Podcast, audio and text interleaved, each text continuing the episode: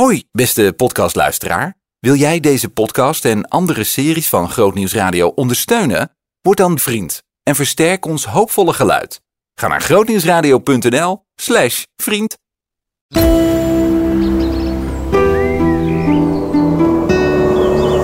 Groot nieuws uit de natuur.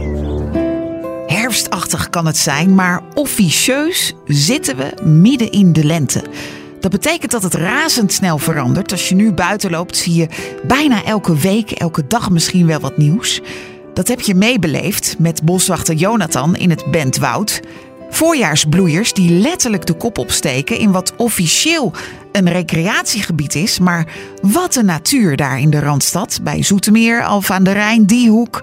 Wat vliegt en zingt er veel. Maar waar hij zich het meest op verheugt, vraag het boswachter Jonathan in Groot Nieuws uit de Natuur over voorjaarszangers. Oeh, dat is een uh, moeilijke. Wat ik zelf een hele tof vind is uh, in het bandwoud, dat is de blauwborst. De blauwborst, de naam zegt al, heeft een blauwe borst. Het is eigenlijk qua grootte en uh, bouw vergelijkbaar met de roodborstje. En met een hele mooie blauwe borst en een mooie oranje staart met een hele mooie zwarte eikband. En die vogels die zingen heel mooi. En ik denk halverwege maart dat we de eerste hier in het bandwoud zullen zien komen weer terug vanuit Afrika. Dat is echt een raar idee dat die, uh, nou, die beesten naar de woestijn zijn overgevlogen en dat soort dingen.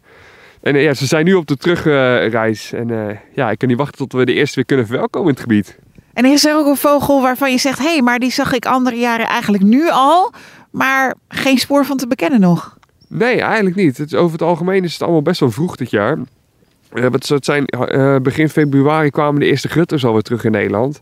Ja, dat is toch wel wat vroeger dan normaal ja, dat merk je nu dit jaar wel. Dat uh, veel vogels zijn toch al best wel bij tijd hier. En beginnen ook al uh, vrij vroeg met balsen. Dus ik zag gisteren alweer foto's van de eerste zwanen op het nest. Uh, je ziet alweer overal balsende, zingende veldleeuwerik. Ik hoor de eerste chif chaffies. Ik kan het zeggen, terwijl daar... Ik hoor hier de meerkiet en de waterhoentjes. Dus ze zijn eerder dan normaal? Uh, ja, sommige vogels zijn echt uh, wel vroeger en eerder dan normaal. En vooral de vogels die hier eigenlijk dus blijven hangen. Dus de standvogels. Ja, die zijn niet afhankelijk van een bepaalde tijd dat ze weer arriveren. En die denken, oh, het is mooi weer. En die voelen dat het warm wordt. En die beginnen dus eigenlijk alweer aan een uh, nieuwe broedseizoen. Ja, het is onrustig in het water. Die zijn weer aan het ruzien. Dat is wel heel classic met die meerkoeten. Dat is wel grappig. Want winters krijgen we hier dus duizenden meerkoeten uit Estland en uit Letland. Die komen hier overwinteren. En het grappige is, is dat ze dan echt met duizenden bij elkaar kunnen zitten. En dan heb je één groot zwart plakkaat op het water. Zonder dat er ook maar enige vorm van ruzie is. Hartstikke vredelievend.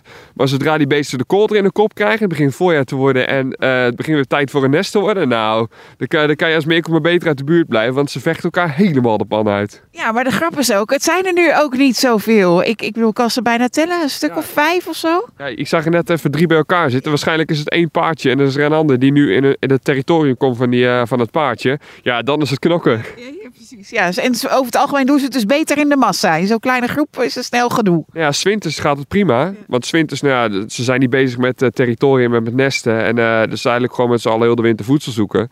Maar zodra het om een nest en een territorium gaat, dus zodra het weer voorjaar begint te worden, ja, dan, uh, dan is het raak. Dan is van het sociale niks meer terug te zien.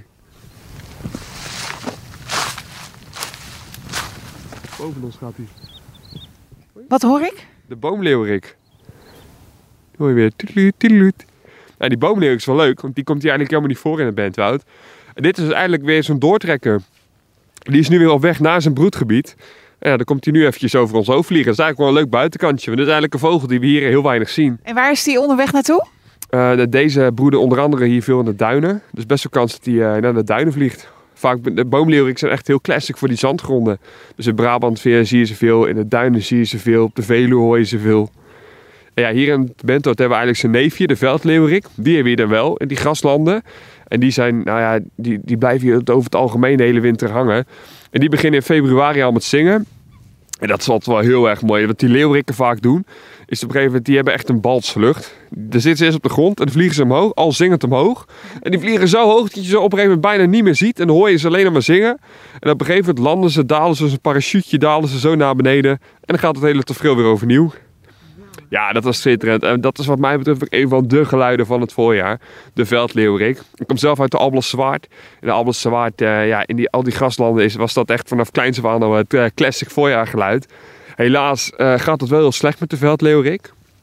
Juist door het, uh, nou, wat de naam al zegt, veldleeuwerik is afhankelijk van uh, velden. Ja, wat zijn bij ons in Nederland veel velden? En dan kom je toch bij de boeren terecht. En het agrarisch gebruik tegenwoordig is uh, totaal niet gunstig voor weidevogels als onder andere de veldleeuwerik. Dus die hebben op, ja, in het landbouwgronden hebben ze steeds minder ruimte om te broeden. En daardoor gaat de veldleeuwerik best wel hard achteruit. En dat is best wel zorgwekkend. Want met, met die veldleeuwerik gaan ook onder andere de grutto's, de kievieten, de tureluurs noem maar op. Heel veel weidevogels hebben het daarin best moeilijk. En wat zou daar dan aan moeten gebeuren? De boeren zouden iets moeten aanpassen aan hoe ze het veld bewerken? Ja, dus dat is eigenlijk uh, wat het beste is voor de natuur. Is dat, het, uh, ja, dat de landbouw eigenlijk veel uh, milieuvriendelijker te werk gaat. Dus dat het niet meer alleen maar van die gladde, gladde rijgrasvelden zijn. Maar dat er ook veel meer kruiden tussen komen. Want die kruiden, daar zijn weer insecten van afhankelijk. Maar ook dat de slootkanten wat meer beheerd worden. Zodat de waterstand hoger blijft. En niet dat alles iedere keer helemaal droog gemalen wordt. Dat er minder bemest wordt. En dat er later gemaaid wordt. Want als die vogels gaan broeden en die boeren die gaan er in nou, begin april, begin mei er al overheen. Ja, dan zijn al die nesten plat. Maar ja, andere kant van het verhaal is, de boeren die moeten ook gewoon, gewoon zorgen voor, voor, voor hunzelf. Die moeten ook gewoon een brood verdienen. Dus ja, uiteindelijk zou er toch iets geregeld moeten worden met subsidies en dat soort dingen. Maar gelukkig uh, hoef ik daar mijn hersenen niet over te kraken. Jij mag gewoon genieten van, van die veldleeuwerik. Precies, ik geniet vooral van de veldleeuwerik. En gelukkig zijn er ook uh, steeds meer boeren die uh, wel bezig zijn dus met dat milieuvriendelijke weer. En ja, die er eigenlijk voor zorgen dat nou, die weilanden niet alleen maar goed zijn voor ja, voor productie. Maar dat ook de natuur daar zijn weg in kan vinden. En ja, die ontwikkeling hoop ik in de toekomst steeds meer te zien. Zodat onder andere de, de weidevogels, als bijvoorbeeld de gutto. Waar we, ja, de gutto is onze nationale vogel. Het grootste aantal gutters van Europa broeden bij ons. En hoe mooi zou het zijn als we die kunnen behouden. En dat we er eigenlijk ervoor kunnen zorgen dat ze weer meer ruimte krijgen. Je groot nieuws uit de natuur. Voorjaarszangers. Nog een podcast? Luister naar De Preek van de Week via grootnieuwsradio.nl slash podcast.